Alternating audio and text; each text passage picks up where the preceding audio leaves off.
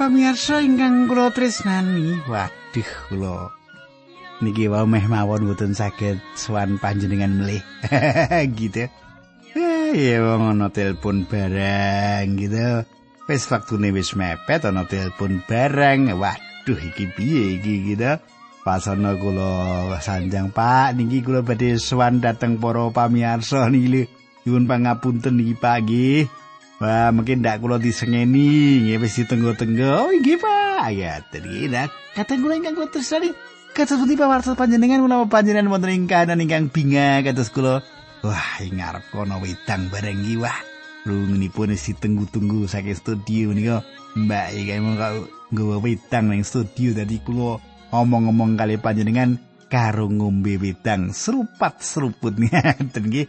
Nah, kadang kula ingkang kula tresnani kados padatan Kulo badhe sesarengan kalian panjenengan wonten ing salebetipun adicara margi utami lan sugeng midhangetaken.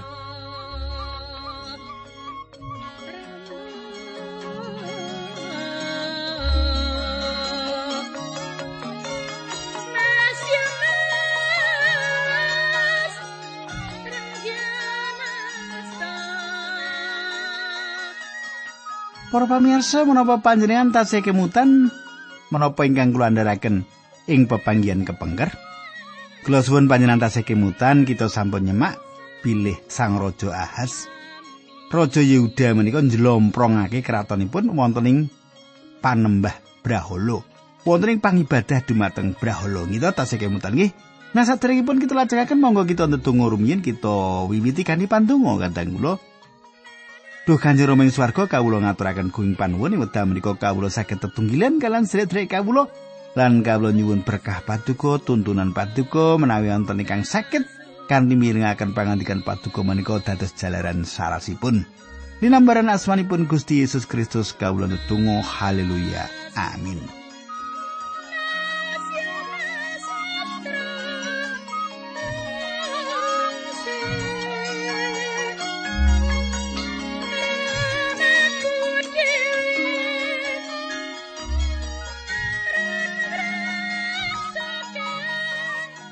Para pamirsa samenika kita sampun mlebet ing kitab Kali Babat gitu. Kali Babat lan kula sampun maos ayat tunggal ngantos sekawan samenika kula badhe maos ayat ingkang kaping gangsal. Makaten surasipun. Awis saka iku pengiran Yewah Gusti Allah banjur ngulungake panjenengane marang ing astane ratune wong Arab panjenengane ditelokake tuwenake para wong kang ditawan lan padha digawa menyang Damsik. Sawise iku Sang Prabu nuli diulungake marang ing ngastane ratu ing Israel sarta dikawonake kang banget kae. Para pamirsa panjenengan gatosaken Gusti Allah ngidinaken mengsah mlebet.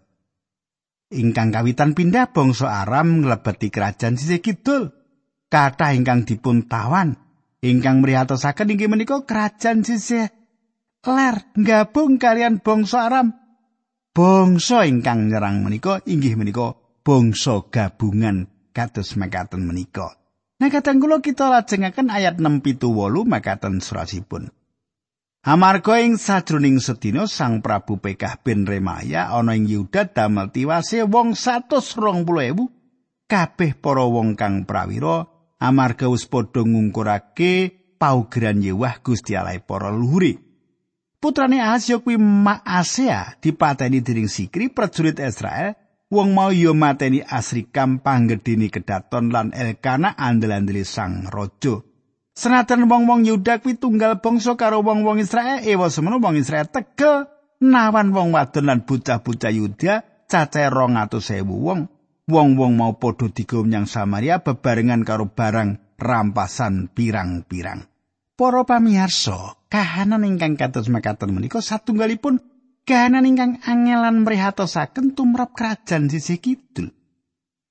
Kahanan menika dumados awit Raja Ahas lan rakyatipun gesang manembah dumateng Brahala. Samenika Gusti Allah ngintunaken nabi dumateng Israel supados ngendikan dumateng bangsa menika awit patrap kejem ingkang dipun tindakaken atas sederekipun menika. Karo sedulure dhewe kok nganti kaya ngono iki kepiye? Tak ngaten. Nah kita lajengaken ayat songo ngantos sedoso makaten surasipun. Kecerita ana nabi ni Allah jenenge Odet manggon ing Samaria nalika tentara Israel bali saka Yuda nggawa tawanan arep mlebu ing Samaria dipethokake karo Nabi Odet pangandikane mengkene nggonmu bisa nelokake wong Yehuda kuwi mergo pengiran alai leluhurmu duka marang Yehuda. Nanging ala perso yen caramu mateni tentara Yehuda kuwi kelawan sia-sia. Lan saiki wong-wong Yerusalem lan Yehuda arep kok dadekke batur tukonmu. Apa kowe padha ora rumangsa yen wis nglakoni dosa ana ngarsane Allahmu? Para pamirsa, Gusti Allah sejatosipun sampun nglarang handatosaken sederekipun piyambak dados batur tukon. Cupi panjenengan semak kaimaman selangkung ayat tigang dosa songo ngantos kawan dosa. Kaimaman selangkung ayat tigang dosa songo ngantos kawan dosa. Samenika kita lajengaken ayat 11 ngantos kawan welas. Rungokno wong-wong tawanan kuwi rak sedulurmu dhewe mulane padha konon mulih. Yen ora Gusti Allah bakal tukolan kuwi bakal padha dihukum. Toko Israel papat yo kuwi Asaria bin Yohanan, Berekia bin Mesilemot, Yeskia bin Salom lan Amasa bin Hadlai yo padha ora nyaruju itu mindake tentara sing teko mau. Tembungi tawanan-tawanan kuwi aja digawa mrene. Kita wis gawe dosa ing ngarsane Allah. Lan dosa-dosa kita wis cukup kanggo ngukum kita. pokalmu ki mung bakal nambahi dosa kita. Prajurit-prajurit banjur masrahake para tawanan barang-barang saka lain jarah marang rakyat lan para pemimpine. Tokoh papat Israel mau banjur ngurus para tawanan. Sandangan lan barang-barang jaran dibalekake marang para tawanan. Para tawanan mau uga didumi sepatu diweni mangan lan ngombe sing tatu padha ditambani nganggo lenga zaitun sing ora bisa mlaku ditunggangake kuldi para tawanan mau banjur padha digawa menyang Yeriko kutha kurma supaya padha bisa bali menyang omahe dewi-dewi ing Yuda sawise mengkono wong Israel yo banjur bali menyang Samaria. Para pamirsa, kerajaan sisih kidul Yehuda saestu-estu wonten ing kahanan ingkang angel. Menawi Gusti Allah mboten nderek cawe-cawe, bangsa menika temtu dipun sirnakaken minangka jejering bangsa. Samenika kita lajengaken ayat 16, 17, 18. Makaten surasipun. Wong itu miwit nyerang Yehuda meneh akeh wong Yehuda sing dicekel. Mulane Raja As nyuwun pitulungan marang Tiglet Peleser Raja Asur supaya ngutus balani menyang Yehuda. Nalika semono wong Filistini ya lagi nyerbu kutha-kutha sing ana ing sikile gunung sisih kulon lan daerah-daerah ing sisih kidul Yehuda sing direbut wong Filistin ya kuwi kutha-kutha Betsemes, Asalon, Gedirot, Soko, Timna lan Gomso. para pamirsa ing wedal Gusti Allah nyingkiraken pangayomanipun kados-kados ingkang dipun tindakaken Gusti Allah menika mbikak lawang jembar lan ngejaraken mengsah mlebet. Sedaya menika dumados akibat saking dosa bangsa menika. Perang salah satu ngelipun sebab akibat langsung saking dosa. Menawi ing manahipun manungsa wonten dosa kadang kula pramila ing batin manahipun tiyang menika mboten wonten katentreman lan karaharjan. Tiyang menika mboten saged gadah katentreman menapa kemawon rukun kalian Gusti Allah, rukun ing manahipun utawi rukun kalian para mitranipun kedah wonten karampunganipun perkawis dosa supados kasinungan ing katentreman. Para pamirsa kita lajengaken ayat kali dosa ngantos likur makaten surasipun. Tekani tiglet peleser mau ora mergo arep marang Raja As, malah mung arep gawe susai. Mulane Raja As mau banjur dicaosi mas sing diklumpukake saka pedalemane Allah. Saka kedaton lan saka bret berarti para pemimpin nanging kuwi kabeh ora ana gunani. Para pamirsa, Raja As sampun nyukani kapitayan dumateng Raja Asyur Raja As ngitunaken kathah bisungsung ingkang dipun pendet saking prabot pedalaman Allah ing kratonipun. Raja Asur nampi menapa ingkang dipun paringaken Raja As nanging Raja Asur menika mboten nate ngintun bolo bantuan dumateng Raja Ahas. Raja Asur mboten nate ngintunaken bantuan prajurit menika Raja Asur menika raja ingkang kiat lan Raja Ahas satunggalipun raja ingkang ringkih. Raja Ahas sampun ngungkuraken Gusti Allah lan pitados dumateng Asur lan Asur ngejaraken dawuh. panjenengan boten saged gadah pengajeng-ajeng dumateng bangsa-bangsa pilih bangsa-bangsa menika badhe netepi janjinipun ing salebetipun patunggilanipun Kenging menapa mboten? Saestu gampil. Sedangunipun menungso tasih dosa, manungso tetep tukang apus-apus. Ingkang ateges panjenengan mboten saged pitados dumateng tiang-tiang menika. Kitab suci meratelaken dumateng kita pilih kita mboten kenging pitados manungso. Kita kedah kumandel dumateng Gusti Allah. Para pamirsa, menapa panjenengan nate gadah pengalaman pitados dumateng manungsa. Gitu wah sandangane api ngodasi kita kaya wong suki. Janji-janji. Wah jebulan lintang wis dinteni. Ora tumus malah kita disebratake. Nggih menika manungsa. Manungsa menika gampang ngapusi.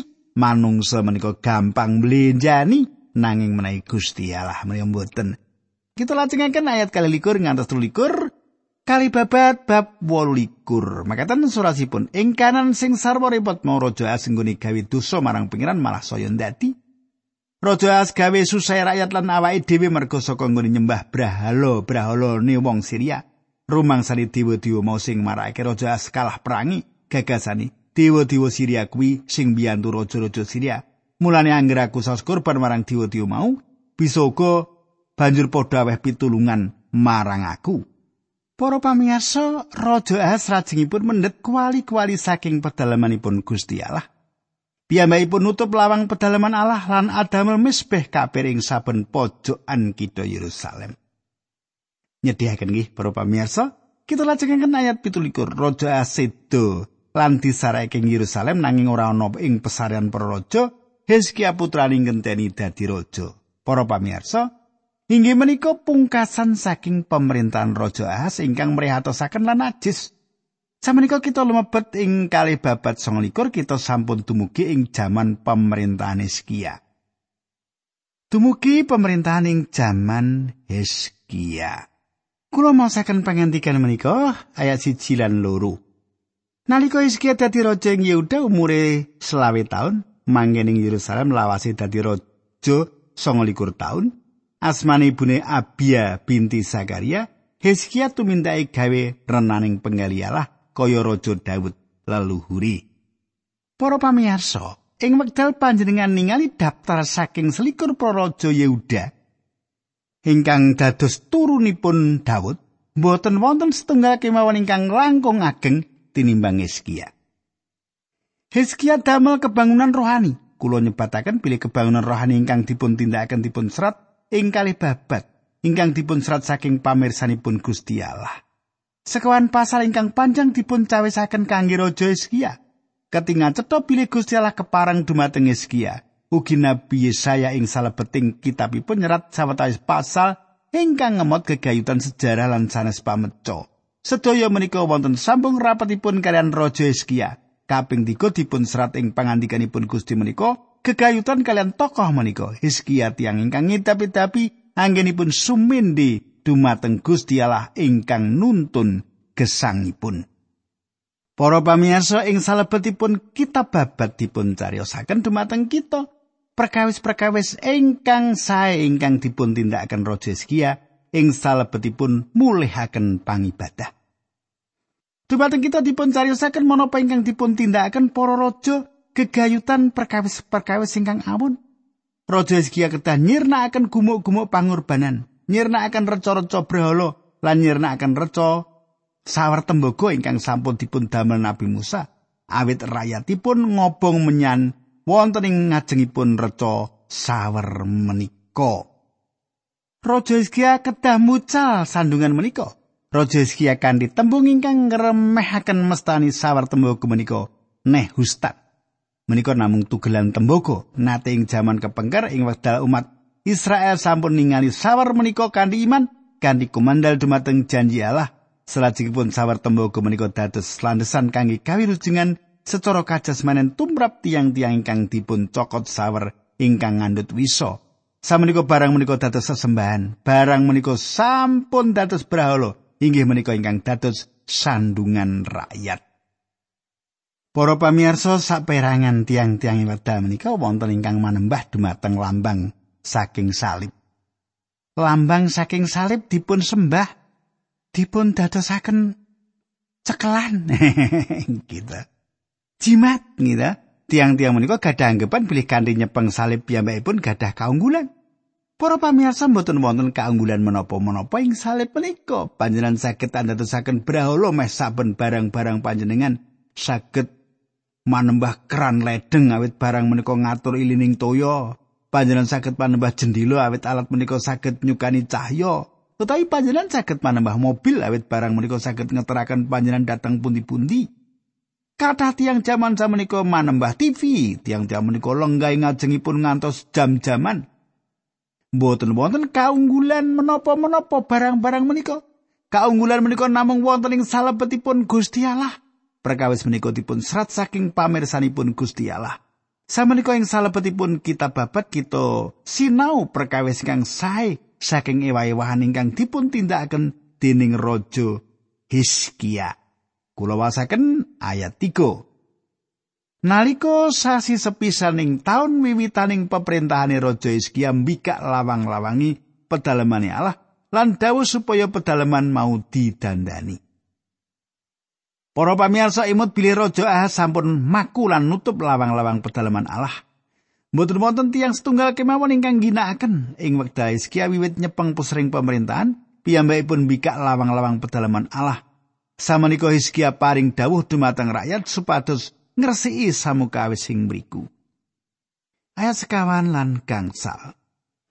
Para imam lan wong Lewi didhawuhi nglumpuk ana ing platarane pedalemane Allah sing sisih wetan. Raja Hizkia ngendika karo wong-wong mau dawe kowe wong-wong Lewi kudu nucake awakmu kagem Gusti Allah lan nucake pedalaman pangeran Allah leluhurmu apa wae sing gawe najise pedalaman iki kudu disinggirake. Para pamirsa, Panjenengan katosaken para imam kedah wangsul nindakaken perkawis-perkawis suci, jujur lan saged dipun pitados.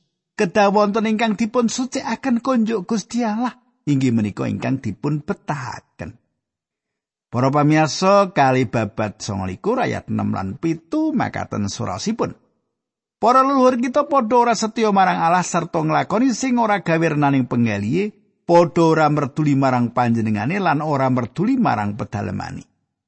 Lawang-lawangi pedalaman Allah padha ditutup lan lampu-lampune dipateni ora ana wong ngobong menyan utawa nyaosake kurban obungan ing pedalemane kini.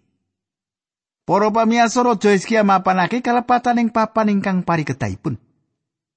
Bangsa Israel sampun andhatengaken kacilakan kangge badanipun piyambak awit dosa-dosanipun piyambak. Kulo lajengaken ayat 8 songo 10. Mulane Gusti Allah duka lan ngukum wong Yehuda ing Yerusalem lan kowe padha weruh dhewe. Sepiro pedamelane Allah mau gawe rekasane lan girise wong kabeh.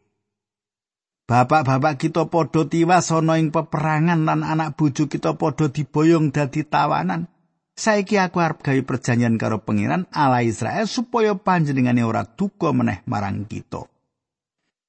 Para pamirsa salajengipun kita bablas kemawon nyemak kali babat 29 ayat kali dosa ngantos likur nggih. Makaten surasipun. Raja Hizkia inggal inggang nglumpukake toko-toko masyarakat banjur tindak bebarengan karo wong-wong mau menyang pedalemane Allah. Banjur padha sas kurban pangapuraning dosa kanggo priyati sang Prabu lan rakyat Yehuda, mengkono kanggo nucekake pedaleman Allah rupa sapi lanang pitu wedhus gembel, cempe pitu lan wedhus Jawa pitu, Sang Prabu banjur ndawi para imam tedhake Harun nyaosake kewan-kewan mau kagawe kurban hubungan ana ing mesbeh. Para pamirsa Raja Hizkia nyukani patuladan ingkang sae. Ing ngajengipun umum piyambakipun miyak dumateng Gusti Allah. Umat Allah perlu meratelaken badanipun pilih piyambakipun menika manembah Allah. Pratela menika kedah wonten ing ngajengipun umum, kita perlu meratelaken kados pundi kita dados tiang ingkang manembah Allah. ing papan nyambut damel lan ing pepanggian-pepanggian kalian sesami kita. Ayat tigang dosa enam, Rojo Eskialan rakyat podo seneng atini mergo Allah wis paring pambiyantu nganti nggone mernoto mau kabeh ingga rampung. Para pamirsa samenika pasinon kita lumebet ing babat tigang dosa. Ayat setunggal makatan surasipun. Sawise mengkono Sang Prabu Eskia banjur utusan marang wong Israel lan wong Yehuda kabeh malah ya damel serat marang Efraim lan Manase supaya padha teka ngriyayakake Paskah kagem pangeran Yehuwa Gusti Allah wong Israel ana ing pedalemaning Sang Yehuwa ing Yerusalem. Panjenengan semak menika satunggalipun perkawis ingkang ngedapi-dapi malih ingkang dipun tindakaken Raja Hizkia. Ayat kalih Sang Nata lan para penggede sarta wong sapasmaning Yerusalem kabeh padha ngrancang bakal ngriyayake Paskah ing sasi kapindho. Para pamirsa, kawenangan kangge nindakaken riyaya Paskah ing wulan kaping kalih dipun paringaken ing salebeting kitab Bilangan songo ayat 12 ngantos 11. Samenika bab tigang dosa ayat gang 11 ngantos pitulas. Nalika tanggal 14 sasi kuwi wong-wong padha nyembelih wedhus gembel digawe kurban Paskah. Para imam lan wong lewi sing isin najis padha isin mulane banjur padha sesuci temah padha bisa melu nyaosake kurban ing pedalemane Allah. Wong-wong mau padha mapan ing panggonane dewi-dewi ana ing pedalemane Allah manut pernatan sing kasebut ing kitab Musa. Getih kewan-kewan sing digawe kurban mau dipasrahake dening wong lewi marang para imam, para imam mau banjur ngesok getih mau ana ing mesbeh. Wong-wong sing padha ana ing kono akeh sing durung sesuci, mulane ora kena nyembelih wedhus gembel kanggo kurban Paskah.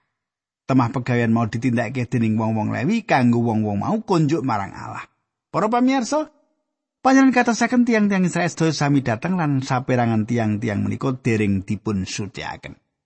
Para pamirsa, kita punggal mriki riyen nggih. Diterusake ing dina candhake panjenengan aja nganti ora melu. ora melu ngrungokake. Kados pundi mangke? anggenipun mimpin Sang Raja Hizkia menika. Nggih, Sang Raja Hizkia caket kalian Gusti Allah. Manembah kalian Gusti Allah. Para pamirsa. Panjenengan pirsa pilih tiang menawi cecaketan kalian Gusti Allah. Bakal diparingi bejo, nggih. Tiang menawi cecaketan kalian Gusti Allah bakal diparingi bejo.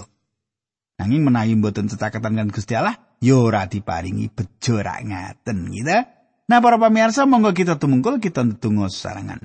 Duh Kanjeng Rama ing swarga kawula ngaturaken kuing panuwun menawi wekdal menika kawula saged sinau pangandikan paduka. Dinambaran asmanipun Gusti kawula Yesus Kristus kawula ndedonga lan matur nuwun. Haleluya. Amin.